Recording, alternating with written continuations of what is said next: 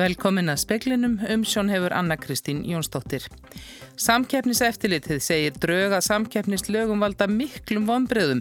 Verðið þau samþygt geti eftilitið ekki skotið niðurstöðum áfríunar nefndar til domstóla en það geti fyrirtæki sem séu ósátt við úrskurði. Maður sem stál sjúkrabíl í Óslo og kerði á saklausa vegfarendur er kerður fyrir mortilraun. Hann er á samt konu í haldi vegna málsins. Professor í matvælafræði spyr hvers vegna selja megi orkudrykki í maturverslunum ólíkt öðrum vörum sem bannaða séu börnum, til dæmis áfengi. Eftir margra mánaða láteiðu í samningaviður um háskólamanna við ríkið náðu samningar við fimm félögum helgina og samið á svipuðu nótum og í lífskjara samningi almennamarkaðarins. Líklega eru rólurnar 40 ára, segir formaður húsfélags í Reykjavíkum tvær sundurriðgaða rólur í bakgarðunum. Ekkert ofinbert eftirlit er með leikvöllum við blokkir. Samkeppniseftirliti telur að ef nýtt frumvarp Þórdísar Kolbrunnar Reykjafjörð Gilvadóttur yðnaðar og nýsköpunar ráð þeirra verður að lögum veiki það samkeppnislög og rýri kjör almennings. Samkeppniseftirliti segir að ef frumvarpi verði að lögum geti samkeppniseftirlitið ekki lengur skotiði niðurstöðu áfyrirna nefndar samkeppnismála til domstóla. Stór fyrirtæki sem eru ósátt við úrskurði áfyrirna nefndar samkeppnismála geti eftir sem áður borið þá undir hérastóm, landsrétt og eftir aðveikum hæstarétt. Með þessu sé skapað kerfi þar sem hagsmuna gætla upplugra fyrirtækja nýtur forgangs og yfirburða gagvart hagsmunum neytenda og smæri fyrirtækja. Pál Gunnar Pálsson, forstjóri samkemniseftilitsins, segir vissulega vera dæmi um að áfríunanemdin hafi breytt niðurstöðu samkemniseftilitsins og samkemniseftilitið leitað til domstóla. Eitt dæmi geti nefnt sem er, eh, er eh, brot bíkó á sanginslögum sem að sektir voru lækkaður 90% fyrir áfyrirnefnd og, og hérna og breytt grundvelli málsins þannig að það var ekki talið að, að, að hérna, fyrirtæki hefði gert brotlegt við samningin en, en því síðan snúið fyrir domstólum og, og fyrir hérastómi og, og síðan dæmt í landsrétt og núna máli komið fyrir hæstarétt. Saði Pál Gunnar Pálsson, Jón Hákon Haldursson talaði við hann. Því við að bæta að Þórdís Kolbrún Reykjörg Gilvadóttir ráð þeirra samkjæmnismála segir að gaggrinin komi ekki á óvart. Rætt verður við hana í sjóarpsfréttum klukkan sjö. Fólkið sem handtekki var fyrir akka sjúkrabíl á vegfærandur í Óslo í Noregi í dag tengist hægri öfgasamtökum. Karlmaðurinn er grunaður um morðtilrunn. Norska laurreglan hjælt bladamannafund síteis vegna sjúkrabíl sem var stólið og svo ekið á vekkfærendur í Óslo í dag. Á fundinum kom fram að laurregla og sjúkrabíl voru kölluð út vegna bílveldu en þegar aðvar komið miðaði maðurinn haglabissu á laurregluna og stál svo sjúkrabílnum. Maðurinn óg á eldri hjón og konu með tvípura í barnavagni áður en hann var svo stöðvaður en laurreglan beitti skotvopnum þrísvar til að stöðva bílinn. Maðurinn var handekinn skömmu síðar og konan skömmu eftir það. Eh, det er jo to som er pågrepet i saken eh, og sikta. Eh, Grete Lín Medli til lauruglustjóri í Óslo segir þau bæði þekkt innan lauruglunar. Maðurinn sé 32 ára og grunaður um mortilraun en konan 25 ára. Þau eru bæði norsk. Í sjúkrabílnum fundust bæði haglabissa og fíknirefni. Laureglan staðfesti á fundinum að tengsl mannsins við hægri augasamtök séu til skoðunar. Laureglan vil ekki ennfullir það neitt um hvað bjóað baki því sem þau gerðu. Hallgrimur Indriðarsson tók saman. Tímaspursmáli er hvenar ofneisla sterkra orkudrykja hér á landi veldur eitrun, segir Þórhallur Haldursson, professor í matvæla og næringafræðum. Hann segir að regluverkum sölu orkudrykja sé of opið, neistla ungmenna orkudrykkjum hefur aukist mikið síðustu tvö ár, þrátt fyrir reglur um varuðarmerkingar um mikið koffeinnihald og aldurstakmark á sterkustu drykkina. Já sko, regluverkið er tilturlega opið og, og enga sérstakar reglur sem að gilda annað en það að, að það er þessi Þessir allra sterkustu drikkir er ekki leiðir börnum. Þetta er í fyrsta skipti sem ég man eftir held ég á 20. öldinni þar sem er komið matvæli í sölu sem er ekki leiðilegt að selja börnum. Sambarilegt er það bara áfengi og síkarhættu sem eru seldar á mjög afmarkuðu svæðu undir mjög hörðum reglum. Þannig erum við komið með eitthvað mitt á milli sem ég eða bara skil ekki. Það er lögjamans að setja reglur og, og allar fórsendu fyrir að skoða reglur, að setja reglur eru til staðar. Saðið Þórhallur Haldursson. Seðlabanki Íslands hefur byrt samkúmulag sem gert var við Ingi Björgu Guðbjörnsdóttur fyrirverandi framkvæmdastjóra Gjalderis eftirlitsbankans í april 2016. Þar fær Ingi Björg heimil til leifist frá störfum til námi hennar við Harvard Háskóla árun 2016 til 17 líkur. Seðlabankin skuldbatt sig til að greiðinni fjögura miljóna krónastyrk vegna námsins hvort ár samtals 8 miljónir. Að auki fekk hún 60% af mánaðalönum í 12 mánuði. En fremur kemur kemur fram að kjósun að starfa á öðrum vettfangi að námi loknu og snúa ekki aftur til starfa hjá Sæðalabankanum eigi bankin ekki neina endur kröfu á hana og Yngibjörg kom ekki aftur til starfa hjá bankanum. Bjarni Benditsson fjármálaráð þeirra mælti síðdeis fyrir frumvarfi um þjóðarsjóð og stendur fyrsta umræðum það enn á alþingi og það er líka Milla Ósk Magnúsdóttir fréttamaður. Milla, hver er tilgangur þessa þjóðarsjóðs og hvað er miklu peningar í spilinu? Um, umræðinni var að, að hún var að ljúka núna bara rétt fyrir frettir.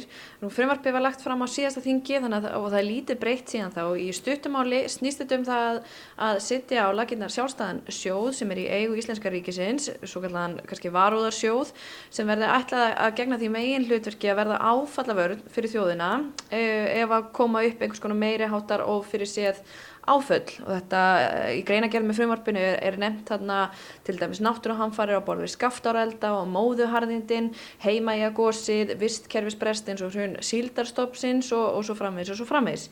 Peningarnir í þessu eru umtalsverðir, uh, kannski eins og gefur að skilja. Þetta gæti numið alltaf 15 miljardum á ári Bjarni Benediktsson talaði um það á þingi í dag að framtíðarstærð sjóðsins væri um 300 miljardar og það myndi taka um 15 til 20 ára að ná því markmið. Og hvaðan eiga þeir peningar að koma?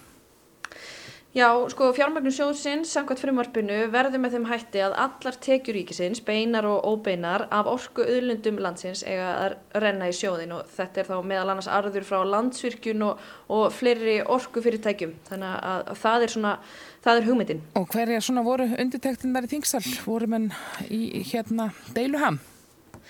Já, já, það má svo sem alveg segja það. Stjórnarandstæðan svona hérna vakti aðtegla því hvort að það væri ekki hægt að verja þessum peningum í eitthvað annað, greiða niður skuldir, lækka skatta og svo framvis. Eh, Sömmulegis eh, var bent á það að svona mála því þetta tekur langan tíma að sapna í svona sjóð og þetta þarf að fara í gegnum nokkur kjörtímabil. Það þarf að ekki að þau verð politísk sátt um svona mál. Það gerði það ekki ef að marka má umræðir á þingi í dag. Já, en við fáum að heyra meira af þessu eftir því sem framvindur Milla Ósk Magnúsdóttir þakka þér fyrir. Stjórnvöldi í Damaskus stiðja kurta í baróttu þeirra gegn Tyrkjum og sírlenskum bandamönnum. Þetta saði fórseti Sírlands þegar hann rætti við stjórnarhermen í Ídlip í dag. Vopna hlið sem Tyrki samþyktu til að gefa kurtum tækfæri til að fara frá landamærunum rennur út í kvöld klukkan 19 og hafa kurtar þegar líst yfir að þeir hafi yfirgefið svæði sem Tyrkir vilja helga sér. Þá tilkynntu Recep Tayyip Erdogan, fórseti Tyrklands og Vladimir Putin, fórseti Rúslands, um sögulegt samkómalaga loknum fundi þeirra í Sochi í Rúslandi. Þjóðirnar verði með sameinlegar öryggi sveitir í norður hluta landsins. Erdogan segir þetta þýða engum aðskilnaðasinnu verði leift að koma inn á sílnest yfiráðsvæði og þá aflétta bandarækjumenn viðskiptaþungunum á Tyrki. Kaffihúseigandi við hverfiskötu í Reykjavík förðar sig á því að framkvæmdum í skötuna sé ekki lokið en hleypátti umferð á hverfiskötuna í loka ágúst. Framkvæmdunar hófust í mæ og segir Ásmundur Helgason að þær hafi fælt frá kuna og viðskipti gangi ekki sem skildi. Sífælt verð eftir þessum framkvæmdunar hérna dragast á longin. Og þú sér enga skýringu nema þessa framkvæmdur? Það er náttúrulega kannski aðeins færri ferðamenn og, en ég hef ekki hýrt þessa tölur hjá öðrum veitingahúsum að þetta sé mingunum millir ára og ég finn það líka hjá öðrum rekstraræðilum hérna við þennan spott á Görðiskötinni. Við erum með Norrellu, við erum með Sapnahúsi, við erum með eh, nokkur veitingahús, Skástrík Hótel og þau eru öll með gríðarlega mingunum millir ára og það er náttúrulega hægt að reyka til þess að fólk kemst ekki til þeirra. Hefur þú kvartað eitthvað við borgina? Ég er búin að kvarta marg oft í borgina. Embatismenn borgarnir eru svo sem allir að vilja gerðir. Skýringar á töfum eru, eru ótrúverðuar. Það er talað um að klöppin hérna réttur innan klappastík hafi komið óvart, það fannst ekki eitt rör, það hafi tafið eitthvað aðeins fyrir. En ég held að tafinnar megi líka rekja til hvernig staðið er á útbóðinu. Það er bóðið á seint út og þar með að verktakinn er ekki tilbúið með mannskap þegar hann átt að byrja verkið. Þannig að það er, ég held að sé margar ástæði fyrir töfunum en ég hef ekki fengið neina trúverðar skýringu á þessum miklu töfum. Sagði ásmundur Helgarsson, Kristín Sigurðardóttir talaði við hann.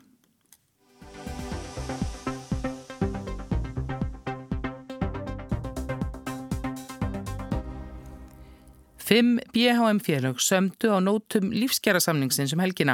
Mánaðalögin hækka um tæplega 70.000 á næstu fjórum árum, samið var til fjóra ára og um það að vinnuvikan geti stist í alltaf 36 klukkustundir á viku. Hvernig staði verður að styttingunni ræðist á hverjum vinnustad fyrir sig. Það hefur korkið genginni reki í samningum háskólamanna við ríkið er samninga við aður hafastaði yfir í næri sjö mánuði. Sömu sögur að segja af öðrum ofinberum launamannum. BHM hefur fram að þessu alfarið hafna því að sami verðum krónutöluhækanir eins og gert var á almenna vinnumarkaðunum og krafan hefur verið að lámarslaunataksstar verða minnstakosti 500.000 krónur á mánuði. Viðræður meðal háskólamanna hafa farið fram í tveimur hópum, annars verið átta félagahópi og hins vegar hafa önnur tólfélög verið í sameilegum viðræðum við ríkið. Ástæðan fyrir því að trælega hefur gengið meðal annars að erfilega hefur gengið að semjum styttingu vinnuvikunar. Ofinberir starfsmenn hafa ekki verið til í að sami verðum styttingu vinnuvikunar í skiptum fyrir kaffi og matartíma. Einni hefur gengið erfilegan á samkómalagi um hvernig styttingu vinnutímars verði háttað hjá vaktavinnufólki. Ímsar hugmyndir er á lofti og sérstök nefnd hefur fjallað um það mál. Hitt sem veldur erfileikum er að ríki hefur haldið sér fast við að sami verði á nótum lífskjara samningsins svo kallaða. Þar var samið um mjög hóvara launahækanir. Ríkið er í raun aðilega samningnum á almenna vinnumarkaðnum og getur ekki samið eða á erfitt með að semja við ofinbæra stafsmenn á allt öru nótum. Það kom því nokkuð óvart að fimm félög BHM skrifu undir kjærasamning aðfarnótt mánudags. Félögin eru félag háskólamentaðara starfsmanna stjórnarásins, félag íslenskra félagsvísindamanna, fræðagarður, stjættarfélag bókasaps og upplýsingafræðinga og stjættarfélag lagfræðinga. Þessi félög voru í tólf félagsamflottunum í viðrað við ríkið. Þau eiga það sameilegt að reka sameilega þjónustu skrifstofum. Annað er líka sameilegt aðeins örfáur félagsmenn að ganga vaktir. Þessi félug er í meginatruðum félug dagvinnu hópa. Það gæti hafa auðvelda þeim að semja við ríkið. Eftir því sem næst veru komist hófust viðraður þessara félaga við ríkið fyrir tíu dögum og lauknú um helgina. Fórustumenni félagana 5 voru líklega orðin þreyttir á árangurslausum viðræðum við ríkið eftir 20 fundi. En um hvað var samið? Í fyrsta lagi vekur aðteikli að launahækkanir sem samið var um er á nótum lífskjara samningsins. Mánaðalauna hækkum 68.000 krónur á samningstímanum sem nær frá 1. april í ár fram til 31. mars 2023. Í ár hækka laun félagan í þessum fimm félugum um 17.000 krónur, á næsta árum 18.000 krónur á mánuði, á þriðja árunum 15.750 og loks um 17.250. Reyndar er þessum krónutölum snúið yfir í prósendutölur en niðurstaðan er svo sama. Launabilmiðli taksta hefur verið 5% en verður 4,8%. Eftir því sem næst fyrir komist lítur ríki svo á að með þessu samningum sé stöðuleika ekki ógnað og að hann fel í sér kaupmátturaukningu á samningstímanum. Það var líka samið um styttingu vinnuveikunar og segja má að niðurstaðan sé í anda þess sem sami varum á almenna vinnumarkaðunum. Megin atrið er að samningurinn felur í sér að vinnuveikana geti styrst allt niður í 36 klukkustundur á vikum Hún er núna 40 klukkustundir en þess ber að geta að þegar hafa margi vinnustæðir er samið um stittri vinnutíma. Það verður að tala um að vinnuvikan geti farið í alltaf 36 virka vinnutíma. Þetta er ramminn því endanleg stytting ræðst á hverjum vinnustad. Sami verður á vinnustöðunum um hvernig staði verður að styttingunni og í raun eru félagsmenn okkur sjálfráða um hvernig tilhögunin verður. Það er verið að tala um breytingar á kaffitímum og matatímum en breytingarnar ráðast á hverju vinnustöð eða vinnustad. Greit verða atkvæða lokum og ræður meiri hlutin hver endanleg niðurstaða verður. Niðurstöður eiga líkja fyrir eigi síðar en 2021. Það verða líka breytingar á lengd orlofsins, það gagnast fyrst og fremst þeim sem er yngre en 38 ára. Reyndar er kannski ekki rétt að tala um að samið hafi verið um breytingar á orlofi því núverandi fyrirkomulag er stangast á við tilskipun ESB um jafna meðferð á vinnumarkaði og lög sem samþygt hafa verið á alþingi í tengslum við tilskipununa. Þar er hverði skýrt á um að banna sig að mismuna launamönnum eftir aldri. Núvarandi kerfir þannig að allir undir 30 ára aldri eiga rétt á 24 daga sumafríi. Frá 30 að 38 ára aldri er rétturinnu 27 dagar og loks frá 38 ára aldri á launamaður rétt á 30 dögum eða 6 vikum. Þetta brítur gegn jafnri meðferð á vinnumarkaði og þetta var innsiklað í samningunum sem gerðir voru við félugin 5. Og þetta þýðir að allir fá 30 dagar sumafrí. Þetta gagnast þeim yngri en hlutvall þeirra er um 30% í félagunum. Í þessum félögum er fyrst og fremst dagvinnufólk í samningunum er ekki tekið á vaktæðvinnufólki eins og sagði á þann þegar að kemur að styttingu vinnuveikunar. Samkólag er um að sjá hvað sami verði endalega um við ríki og bæ og að vaktæðvinnufólki í félagunum 5 gangi inn í það samkómulag. Arna Páll Haugsson sagði frá.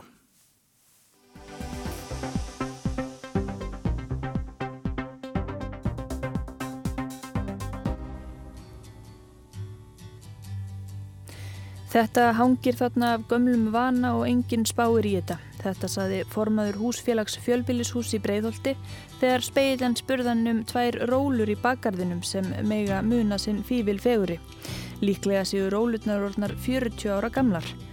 Það er stránt eftirlit með leiktækjum á leikvöllum borgarinnar og á skólalóðum en öðru máli gegnir um leiktæki við fjölbillishús sem viða er að grotna niður. Speillin hitti Árníu Sigurðardóttur, framkvæmdastjóra Hilbriðis eftirlits Reykjavíkur á einum af fjölmörgum leikvöllum borgarinnar.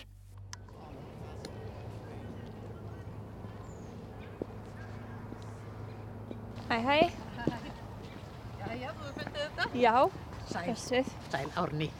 Við erum hérna á leikvelli fyrir aftan Landakotskirkju. Þetta er einn af hvað, 260 opnum leikvellum borgarinnar.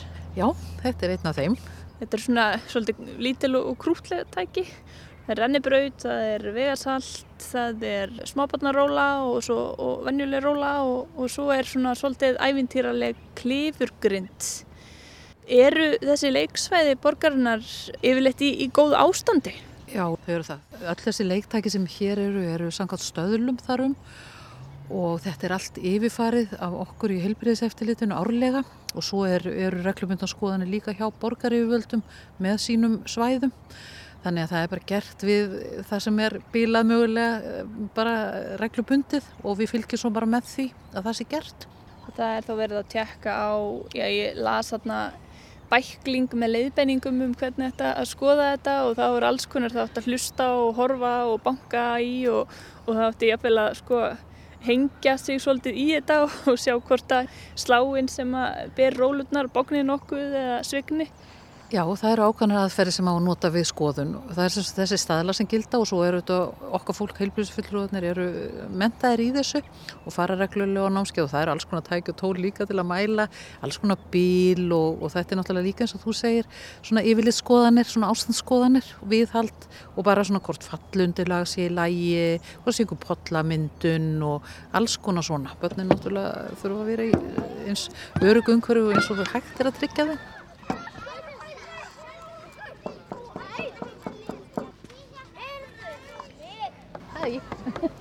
Við fyrir.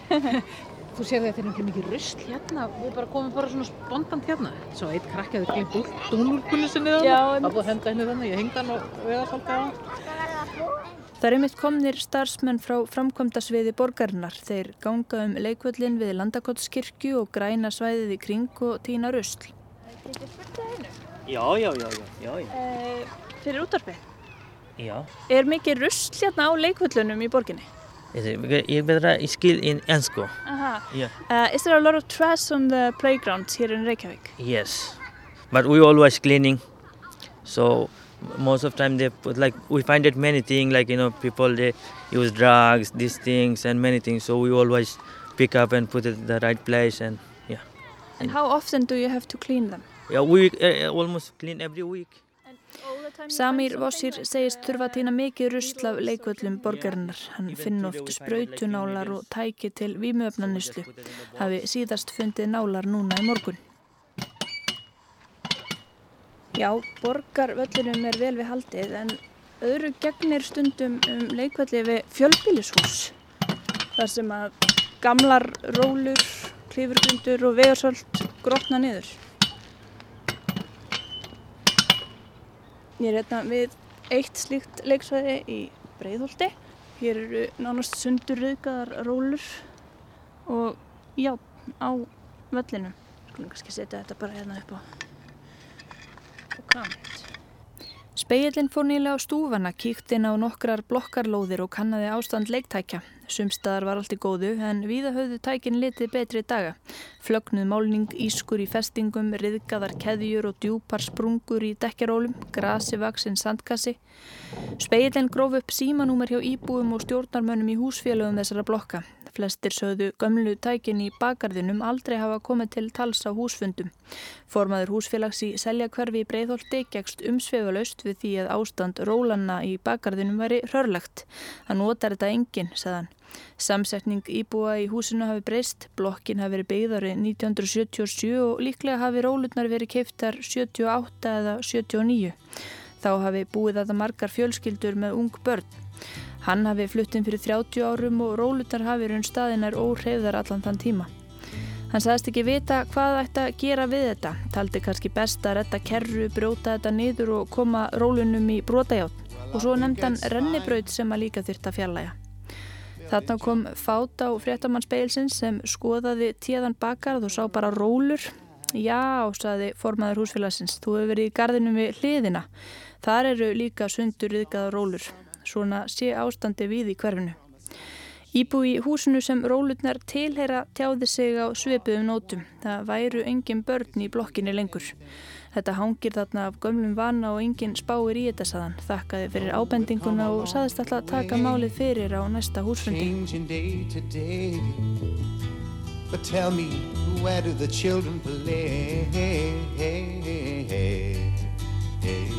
Er eitthvað eftirlit með þessum svæðum? Ekki reglubundu eftirlit okkar, nei, það er það ekki. Þetta eru engalóðir og ábyrð á þeim er húsfélagana eða eiganda við komum til lóðar. Þannig að það er enginn sem hefur eftirlit, enginn ópimbir aðil sem hefur eftirlit með þeim? Nei, ekki reglubundið, en auðvitað náttúrulega ef maður verið eitthvað kallaði til út af einhverju sérstöku tilefni þá myndum maður náttúrulega bara skoða það. En þurfa þessi svæði líka að uppfylla kröfur sem eru gerðar í reglugerðum um leiksvæði? Já, það er náttúrulega eru þess að kröfu til leiktækja og það er náttúrulega á að fara eftir því.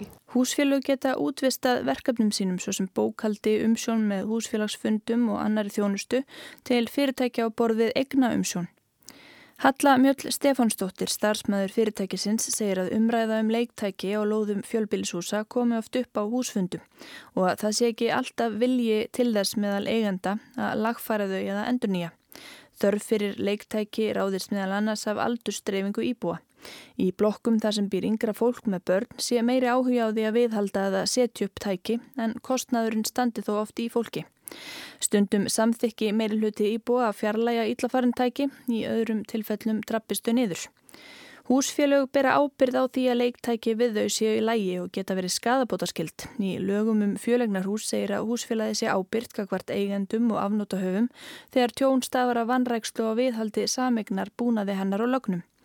Reglugerðum öryggi leikvalla tækja og leiksvæða og eftirlit með þeim að stuðlað öryggi barna með því að tryggja leikvalla tæki séu hönnuð frá genginn og þeim viðhaldið á örugan og viðurkendan hátt. Framkemur að rekstraræðli þá húsfélagið þessu tilfelli beri ábyrð á því að leiksvæði sé í samræmi við reglur.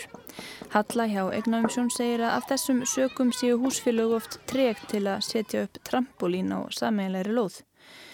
Máltengt leikvöllum koma afarlítið inn á borð húsegandafélagsins. Fulltrúi þess aðeins í samtali við speilin ekki hafa heyrt að nefnt sem sérstakt vandamála að leiktæki dröppuðust niður við blokkir. Aldrei hafi reynd á máltengt leiktækjum fyrir kærunum húsnæðismála eða domstólum. Þá geti þrátt fyrir skadabótaskildu reynst erfitt að sanna slís megi reykja beint til ástands leiktækis.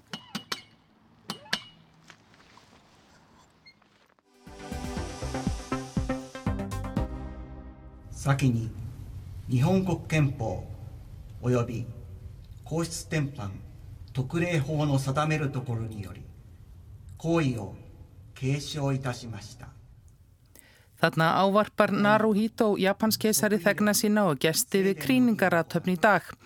Hann sagðist þar í samræmi við stjórnaskrá Japans, venjur keisarahyrðarinnar og sérstök lög, taka sæti sem keisari og kunn gera það öllum, bæði heima og heimann. Hann myndi fylgja stjórnaskrá og rækja hlutverksitt sem tákn ríkisins og sameiningartákn þjóðarinnar að fremsta megni.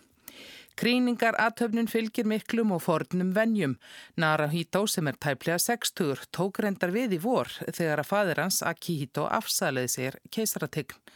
Venjulega þarf að líða heilt ár áður nýr keisari kríndur en þar sem Akihito er ekki látin var ekki þörf á fullu sorgartímabili.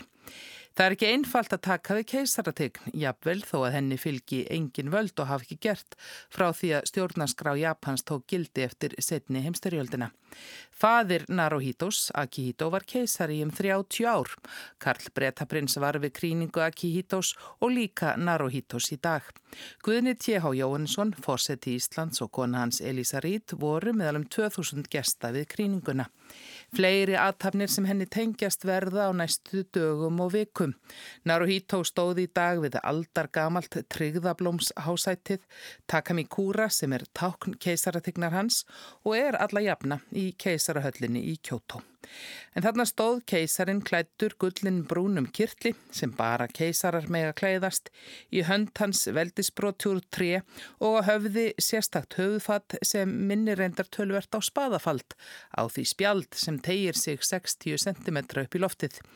Masako keisareinja í sérstöku hásæti við hliðans klætti að minnstakosti 12 kirtlaðsögn. Í tilefni kríningarnar voru náðaðir rúmlega 550.000 japanar sem höfðu gerð sekjur um minniháttarbrott, til dæmis umferðalagabbrott. Það er reyndar miklu færri en voru náðaðir við kríningu fyrir 30 árum þegar tveimur og halvri miljón manna voru gefnar upp sakir. Kríningin í dag byggist í mörgu á sint og trú og þykir ekki öllum við hæfi að ríkisjóður Japans standi ströym af kostnaði við hana. Kríningin og allt sem henni tengist er sögð kosta hátt í 2 miljardar króna. Aðtöfnin var þó öll mjög lástemt og nánast í þögn. Allt þar til forsætisráðra Japans, Shinzo Abe, leiti viðstata í hyllingarrópum. Tendó heika! Banzai!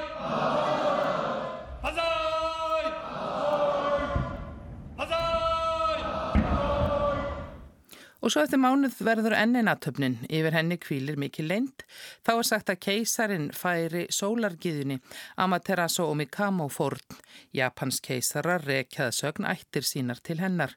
Fórnar gafinnar eru færðar Amaterasu í húsum sem eru byggð sérstaklega til þess í gardi keisarahallarinnar og svo vita fáir nákvæmlega hvað gerist. Keisarin fer þá inn í klefa í fyllt tvekja hyrðmeia þar sem býður hans upp á búið rúm.